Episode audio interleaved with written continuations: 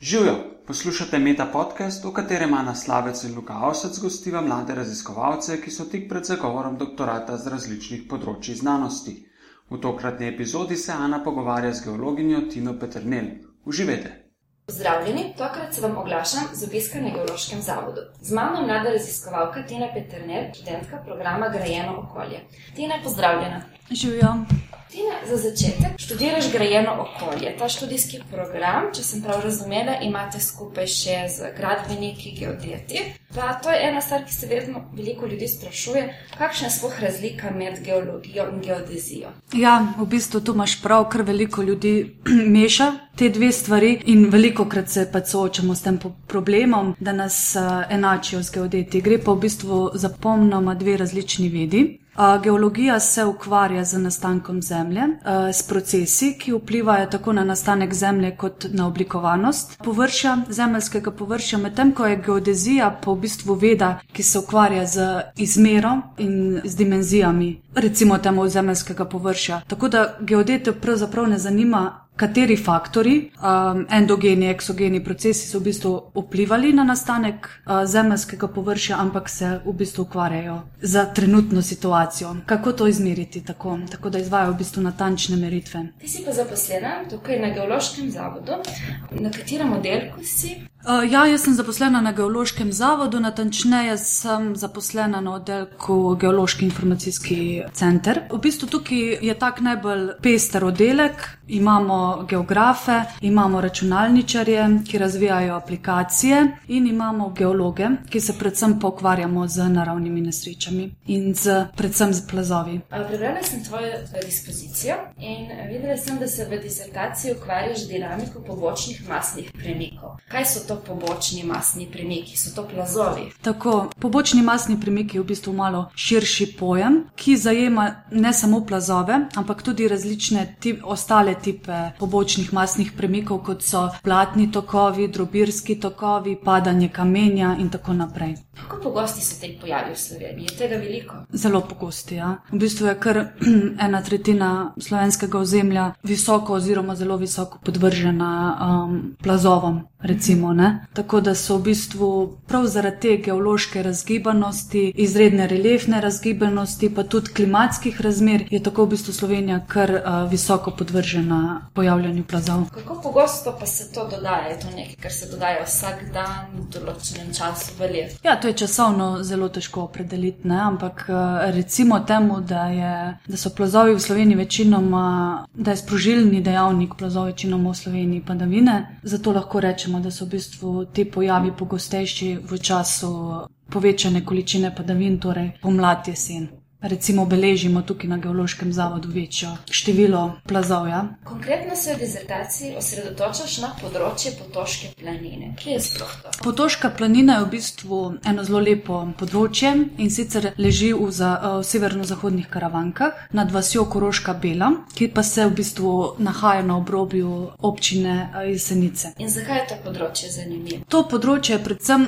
je še neraziskano, relativno neraziskano, v bistvu prve raziskave se je polotil na tem območju geološki zavod. Druga stvar je v tem, da ta spodaj ležeča vas, Koroška Bela, je v bistvu že v preteklosti bila zasuta, recimo temu drobirskem tokovu, tokovom. Tako da v bistvu to področje plato, eh, potoške planine lahko v bistvu predstavlja nevarnost za spodaj ležečo vas. Ne? Zato je tako, predvsem zaradi tega je ta problematika izredno zanimiva, ne samo iz raziskovalnega vidika, ampak tudi iz praktičnega. Torej, v bistvu cilj tvoje dizertacije je nekako ugotoviti, kako verjetno se bo tam zgodil naslednji plas. Niti ne, v bistvu cilj moje dizertacije je v bistvu razumeti in ugotavljati, v bistvu razumeti pobočne masne premike na tem področju. Zdaj, kot sem ti že prej povedala, pobočni masni premiki ne vključujejo samo plazov in prav zato je se pač naslov moje doktorske disertacije imenuje pobočni masni premiki, ker je v bistvu to območje podvrženo različnim tipom. Ne. Tam se pojavljajo prav tako padanje kamenja kot neko počasno lezenje in v bistvu v spodnjem delu imamo pa v bistvu lahko tudi pride do mobilizacije tega materijala v obliki drobirskih tokov. Ne? Tako da gre za različne type pobočnih masnih premikov in cilj doktorske disertacije je v bistvu razumeti te pobočne masne premike, če malo poenostavim. In to pa predstavlja osnovo za nadaljno oceno ali ta ali to območje predstavlja nevarnost za spodaj ležečo vas. In eh, kakšne metode uporabljaš pri tem delu? Pri tem delu uporabljam predvsem inženirsko-geološke metode, to so v bistvu kartiranje. To je samo terensko delo, da greš na teren, pregledaš teren, prepoznavaš, prepoznavaš znake plazov, kot so ukrivljena drevesa, posedanje ceste, potem razne obokline iz bokline, mokrišča. To so vse neki znaki, da se na tem območju pač prihaja do premikanja ne? oziroma do neke dinamike, do nekega. Potem označiš potem na zemlji. Tako, to je neka vrste kartiranje, mapiranje. Ne? Je to zemljevid na papirju, je to zemljevid na računalniku? Ja, zdaj se v bistvu včasih se je to uporabljalo na karti, ne? se pravi, se je sprintala neka 5000. Sedaj se v bistvu to lahko uporablja tudi s pomočjo liderskih posnetkov, ne? da že lahko v sami pisarni. Liderski, uh, to so to, kar zdaj dela, um, kar naredil geodetski zavod. Ne? V bistvu to so posnetki natančni um, digitalni modeli reliefa, posneti iz zraka, v bistvu z nekih helikopterjev. Ne? In v bistvu so natančnejši, kot je na proti 5000, ne, topografske osnove. Ne. In v bistvu že iz teh posnetkov lahko neke, neke znake prepoznamo in jih potem preverimo na terenu. Ne. To je recimo neka osnova, ne. uh, se pravi nek inženirsko-geološki pristop, ki predstavlja osnovo. Zdaj ta inženirski-geološki metodo je pa se zveda treba podpreti z geodetskimi metodami. Ne. In v bistvu jaz uporabljam različne geodetske metode ki so v bistvu bile določene na podlagi same oblikovanosti površja, sprav katere geodetske metode mi bodo ponudile najboljši rezultat. No, torej, kot pač podporo inženirski geologiji oziroma mojemu delu, pa se uporablja re rezultate različnih geodetskih metod. Zdaj, jaz sama te meritev ne izvajam, ker nisem geodet, ampak sem geolog. Uh, zato pač angažiramo fakulteto za gradbeništvo in geodezijo, različna podjetja, ki so v bistvu specialisti za te metode. Oni pač me meni ponudijo nek rezultat v obliki geodetskih izmer in jaz v bistvu te rezultate interpretiram. Ne? Zdaj, te geodetske metode so, zdaj probala poenostaviti, da bo razumljivo. Uh, te geodetske metode so recimo uporaba fotogrametrije, to je v bistvu, da se na tak mehen helikopterček oziroma dron inštalira fotoaparat. Ta helikopter, ta je čist brezpiloten, ampak je na nekem joysticku, ki ga vozi nek geodet, se v bistvu namontira fotoaparat, ta dron, helikopter preleti območje. Poslika območje in iz tega nastane ortofoto posnetek in uh, digitalni model reliefa se lahko s pomočjo te uh, metode pridobi. No, in jaz v bistvu rezultate te metode uporabljam. Potem... To mora biti kar veliko teh slik, kako to potem analiziraš. To je v bistvu že obstaja vrsto teh nekih softverjev, ki avtomatično prepoznajo ne? in georeferencirajo modele. Ne? Se pravi, georeferencirajo tako, da jih vzpostavijo na nek koordinatni sistem. Ne? Aha, aha. Tako da v bistvu za me so pomembni, pač, da dobim nek ortofoto, ki je pač lociran ki je dovolj natančen. Potem te ortofo, pač te posnetke pridobivamo v različnih časovnih obdobjih, večkrat na leto in tako ugotavljamo spremembe na površini. Ne? In to pomeni pač interpretacija in uh, prepoznavanje dinamike. Ne? Potem se uporablja tudi terestično lasersko skeniranje. To pa gre v bistvu za neko lasersko metodo, ki pa, ni, ki pa se ne izvaja iz zraku, ampak se izvaja iz tal. To je pa pač tak inštrument na. na treh nogah. To so ti inštrumenti, s katerimi vidimo na okolju geodete. Ti ali pa ta geometrija, ne? to je zdaj odvisno, ne? so si pa zelo podobni ne? za nekega lajka. Uh, ampak mislim, da večkrat uh, vidite ta geometer, kot pa terestični laserski skener. Ne? Ta terestični laserski skener pa v bistvu isto posneme nek oblak točk, 3D oblak točk, se pravi. Um, na kakšni površini, v bistvu, kakšni razdalji pa deluje ta meritev? Kakšno površino lahko izmeriš to metodo? Ja, čisto odvisno. Ne? Zdaj, v bistvu, katero metodo uporabljam. Pa zdaj je čisto odvisno tudi od oblikovanosti samega površja. Pa je to, to površje pokrito z vegetacijo ali ni. Ne? Tukaj je kupenih dejavnikov, ki moramo upoštevati. Ne? Ki moramo upoštevati katero metodo bomo uporabili. Tako da površina je v bistvu še najmanj tukaj, zelo odvisno. Ne? Zdaj, recimo pri tem helikopterju, baterija traja 20 minut, ne? tako da se v bistvu v tem, v tem času, vem, posname 100 krat 100 metrov, recimo. Ne, ne gre zdaj za neke ogromne površine, gre recimo temu bolj majhne. No?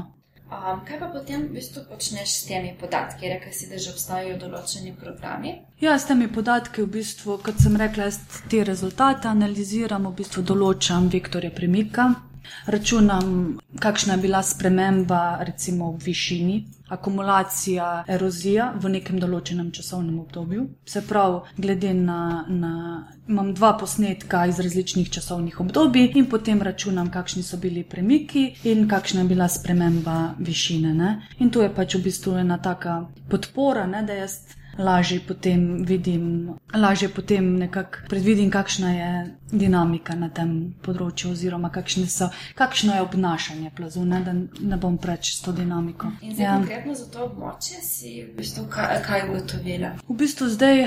Jaz sem mr tri leta in v bistvu se te geodetske metode izvajajo. Vsa ta tri leta in nekako, recimo, mislim, recimo trikrat na leto, ker to je v bistvu območje, ki je zelo visoko, tako da smo odvisni od nekih takih dejavnikov, kot je sneg, dostopnost in tako. In v bistvu sem ugotavljam, kakšni so bili, se, eh, kot sem že rekla, premiki, ali so te premiki zdaj odvisni od snega, od količin padavin, ali so ti premiki pogojeni predvsem iz geološko pa tektonsko arhitektonskimi karakteristikami tega območja. Koliko pa je recimo meritev na leto? Poprečno izvedemo ene tri meritve na leto. Ne? V štartu je bilo mišljeno štiri, ampak največkrat se nam, predvsem zaradi snega, ta uh, zimski period zelo podaljša. Ne? Ker pač površje ne sme biti pokrito snegom, ampak mora biti golo, da pač v bistvu lahko vektore premika določa, določujemo, ne? ker če ne, nima smisla. Ne? Kako so v bistvu te tvoje ugotovitve po tem območju, kako prispevajo k sami stroki? Je v bistvu sami stroki geologiji bo ta doktorska naloga, bo predvsem prispevala k samemu prepoznavanju pobočnih masnih premikov, kako prepoznati pobočne masne premike in to pač njihovo obnašanje, dinamiko, od katerih faktorjev od, eh, so, so odvisni in tako naprej. Ne. Poleg tega pa v bistvu tudi na področju geodezije. Ne, Se pravi, nekako se uporabljajo tukaj rezultati različnih geodetskih metod, in zdaj tudi malo iz nekega inženirsko-geološkega vidika, se pravi, če si iz enega mojega vidika, ki nisem geodet, kakšna je uporabnost teh metod pri samem prepoznavanju pobočnih masnih premikov ali pa plazov. Zdaj sicer tukaj na tem področju, ampak potem to lahko. So še kakšne sorodne raziskave na drugih področjih? Recimo za nek hitrost. Premikanja ne, bi lahko uporabila v bistvu tudi čist, bi se lahko usmerila tudi ali pa združila tudi recimo gozdarsko vedo, ne, recimo, ker imamo pač lih na tem področju veliko število ukrivljenih dreves ne, in v bistvu recimo gozdari pa lahko z nekimi svojimi metodami pa tudi prepoznajo hitrost pa čas premikanja. Ne. Iz uh, ukrivljenih dreves, ne, neko izvrtajo, neko, izvrtajo pač nek vzorec, vzamejo iz debla in v bistvu pač s pomočjo tega ugotavljajo. Tako da je v bistvu kar različne um, metode lahko uporabimo kot podporo ne, za, za prepoznavanje. Poleg tega, da si mlada raziskovalka, si tudi pripadnica civilne zaščite Republike Slovenije. Ja. In prebrala sem, da si bila kot strokovnjakinja za področje zemljskih plazov lani poleti izbrana v delegacijo strokovnjakov civilne zaščite um, Evropske unije. Tiste po lanskih poplavah v Makedoniji ste potovali tja pomagati zaradi posledic hujših poplav. Lahko poveš kaj več o tej izkušnji? Um, ja, to je bila v bistvu ena super izkušnja. V bistvu tukaj se pač naš, naša pomembnost geologov ne, tudi pokaže. Meni pač veliko pomeni, da nisem samo raziskovalec, ampak da lahko v bistvu s temi svojim znanjem pripomorem tudi nekim resničnim problemom. Ne. Pač v Makedonijo smo v bistvu potovali takoj kmalo po teh poplavah, ki so se tam zgodile, se pravi, avgusta so v bistvu bile tam močne padavine in posledica teh močnih padavin so bile poplave in v bistvu spet neki pobočni masni premiki. Od robirskih tokov do plazov. Žal je zaradi posledic teh plazov umrlo osem ljudi, med njimi kar štiri otroci. In tako je v bistvu Makedonija zaprosila za pomoč um, Evrops, eh, mehanizem civilne zaščite v Evropi, v Bruslu. In ta je v bistvu potem uh, izbral, čakaj, da nas preštejem, sedem strokovnjakov iz različnih evropskih držav. Različnih strokovnjakov, ne samo geologov, ampak tudi gradbenikov, gasilcev, ne, da smo pač jim izdelali neko oceno, kako um, sanirati trenutno stanje. In uh, sedaj, kakšna je situacija na tem področju? Situacija na tem področju v Makedoniji, misliš, ko, ja, tam, se vidi se, ne, da, da gre pač manj razvito državo, da je v bistvu pač ta problem, ne, da ga tudi. Skozi svojo doktorsko disertacijo hočem ozavestiti, ne, da je kako je pomembno poznati te pobočne masne premike, da lahko ublažimo, ker pač ne moremo čisto preprečiti, ampak kako lahko ublažimo te posledice. Ne? Seveda, mm, da je prišlo do take gmotne škode na tem območju in tudi do smrtnih žrtev, je seveda bila ne, neprimerna, že neprimerna gradna. Potem se prav neka preenakomerna sečnja gozdov in tako naprej. Ne? Sedaj tam trenutno se lahko sanirajo posledice neke gmotne škode in z našim nekim poročilom, kako zavestiti ljudi ne? in same akterje, ki so vključeni od občine do civilne zaščite, do, ki lahko pripomorejo k preventivi, ne?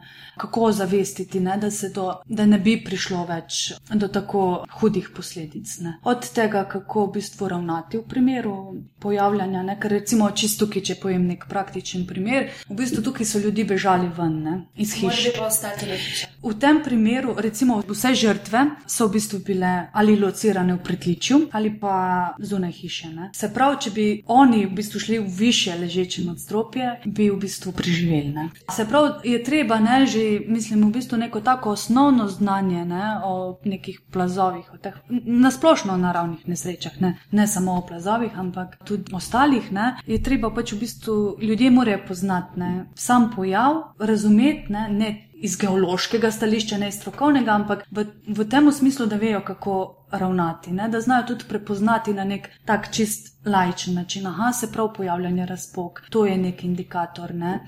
Ozaveščenost glede, glede tega v Sloveniji kaj boljša? Delamo na tem, ne? če ne drugega je Geološki zavod Slovenije zelo aktivno vključen v to z raznimi kartami, z raznimi aplikacijami, izredno promoviramo to, ne? z raznimi navodili, ne? tega tam ni. No? Kokarkoli, seveda prihaja spet tudi pri nas do neke neprimerne gradne, eh, da mogoče da tudi v bistvu iz samimi posegi v površje pripomoremo k pojavljanju plazov. Omenili ste te aplikacije, s temi podatki, ki jih zbirate. Je možno, da bo v prihodnosti pač neka aplikacija, ki bo ljudi opozarjala na take nevarnosti?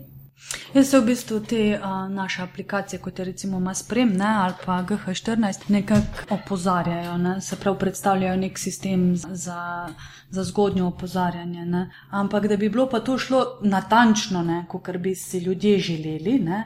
je pa potrebno več, veliko več. Ne? In tukaj je pač geološki zavod, nima moči. Ne?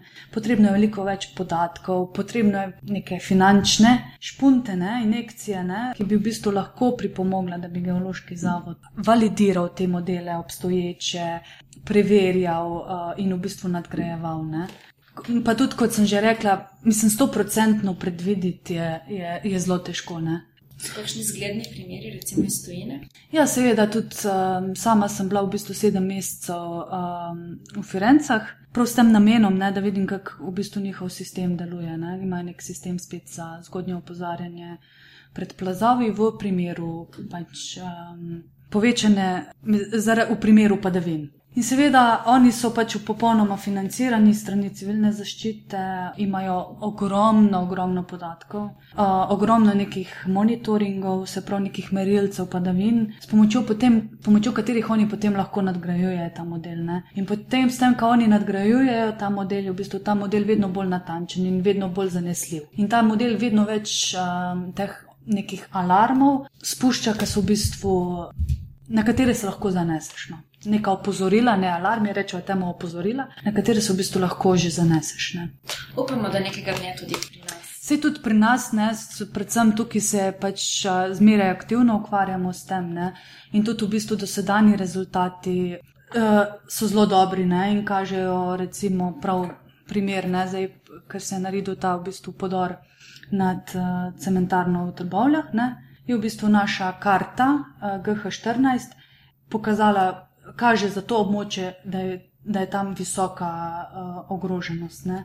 Tako da v bistvu že naši modeli so, so izredno, že izredno um, napredni, mislim, že pokažejo direktne rezultate in v bistvu si lahko z njimi tudi pomagamo. Ne? Kaj pomeni ta GH14? GH14, ja, oprosti, to so v bistvu bile neke karte izdelane za 14 občinnik, občin v Sloveniji in to so v bistvu bolj natančne karte, ki prikazujejo v bistvu nek verjetnost pojavljanja plazov in niso bile izdelane v merilu in so bile v bistvu izdelane kar v visokem merilu in sicer eno proti 5000, ne kar je za slovenske razmere. Ker dobro, glede na to, da imamo izdelano karto verjetnosti pojavljanja plazov v merilu 1 proti 250 tisoč. In že to natančno merilo pokaže. Ne? Za teh 14 občin, ki so bile izdelane te karte, so v bistvu že zelo kvalitetni rezultati pokažejo ne? in uporabnost potem teh kart. Ne? Se pravi, ne gre samo za neko raziskovalno delo, pa pisanje člankov, ampak se kaže, kako, kako zelo pomembni so ti rezultati. Dobro, zdaj se približujemo koncu intervjuja. Za konec bi ti postavila teh zadnjih nekaj vprašanj. Kaj bi bila, če ne bi bila znanstvenica? Kakšne so bile tvoje alternative ob upisu na univerzo? V bistvu, jaz že preden sem prišla na geološki zavod kot mladi raziskovalec, sem v bistvu delala dve leti kot inženirski geolog v privatni firmi. Tako da najverjetneje bi ostala inženirski geolog, bila na terenih trenutno ne, in v bistvu bolj osredotočena na, na praktične stvari. Koga od nam znanih ali neznanih osebnosti bi povabila na večerjo, če ne bi bilo nobenih omejitev? To, po mojem, bo najbolj neizviren odgovor vseh vaših intervjujencov. Ne, malo sem razmišljala o tem. Ne? In glede na trenutno, ne, da sem v neki situaciji, kjer je, um, se približuje konec doktorata, še zmeraj čakam odgovor za članek, se pravi, sem pod nekim pritiskom, ne, bi mi v bistvu najbolj ustrezala neka večerja oziroma večnih z meni dragimi ljudmi, ne? z meni ljubimi ljudmi, ki me imajo radi in ob katerih se pač sprostim. Ne? In pač je čisto premalo časa, ne? oziroma si ga vzamemo, jaz in ostali si vzamemo čisto premalo časa za to, tako da si v bistvu želim večerjo s takimi ljudmi.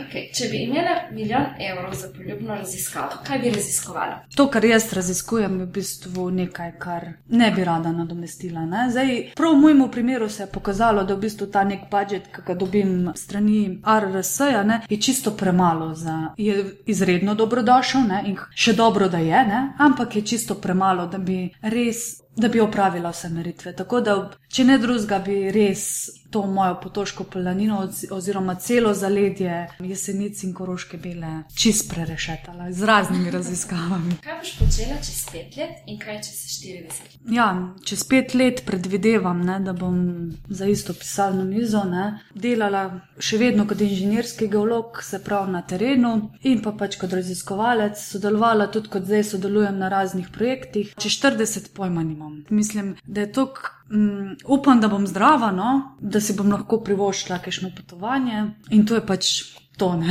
Imaš kakšno priporočilo za knjigo, igro, film, spletno stran, podcast? Ja, v bistvu priporočilo. Vem, meni najljubši filmi ne, so pač uh, filmi tega Evropskega outdoor festivala, ki so se v bistvu vrtijo enkrat na leto iz različnih, ne vem, ki so pač z narave. Ja, v komuniji. To je nek, um, ja, to, to je nek um, festival, kot neka turneja. Ne. In v bistvu so pol iz raznih takih, iz, iz narave, ne, recimo temu, iz takih nekih ekstremnih športov in tako mal. Knjigo, ki bi meni najljubša knjiga je od Neca za plotnika potno. Zdaj moji ti portali, spletni so pa večinoma usmerjeni v, v plazove in tako da ne vem, če koga zanima, ne mi napiše mail, drugače pa mislim, da nima smisla. Da.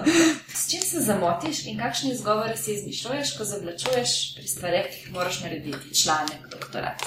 Ja, v teh primerih, kar se raziskovalnega dela tiče, se predvsem zamotim s projekti, s prijavami na projekt. Tako da recimo, da je to en tak dober izgovor, zaradi tega, ker pač aktivno sodelujem na projektih, pa se pač tudi trudim, da jih bom imela naprej ne, za zaposlitev. Tako da. Um, pa tako je vse bolj praktično, vse bolj, ne, um, tako da v bistvu se kar rada zamotim s tem. Ampak ne, se bo treba tudi odmotiti ne, in se lotiti konkretnega dela. Ne. Kaj bi ti lahko v tem trenutku izboljšalo kakovost življenja? V tem trenutku disciplina, ne, ki ni moja vrlina, ne, organiziranost. Tako da te dve lastnosti.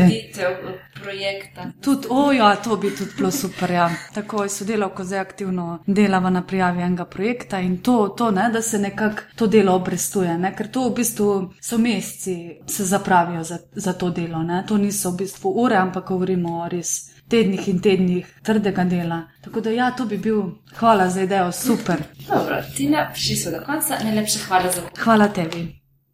Poslušali ste Meta podcast, ki ga pripravljava Ana Slavec in Luka Avsec. Pogovarjava se z doktorskimi študenti in študentkami pred zaključkom doktorata z različnih področji znanosti. Meta podcast domuje na spletišču metinalista.si, v drugi sezoni pa sodelujemo tudi z Društvom mladih raziskovalcev Slovenije. Pohvale, pripombe, pa tudi predloge za bodoče goste nam lahko posredujete na znanost afnametinalista.si, lahko nas poiščete na Facebook profilu Metine liste ali pa na Twitterju, kjer čivkava kot @aslavec in @inlife. Naslednja epizoda v četrtek čez 14 dni.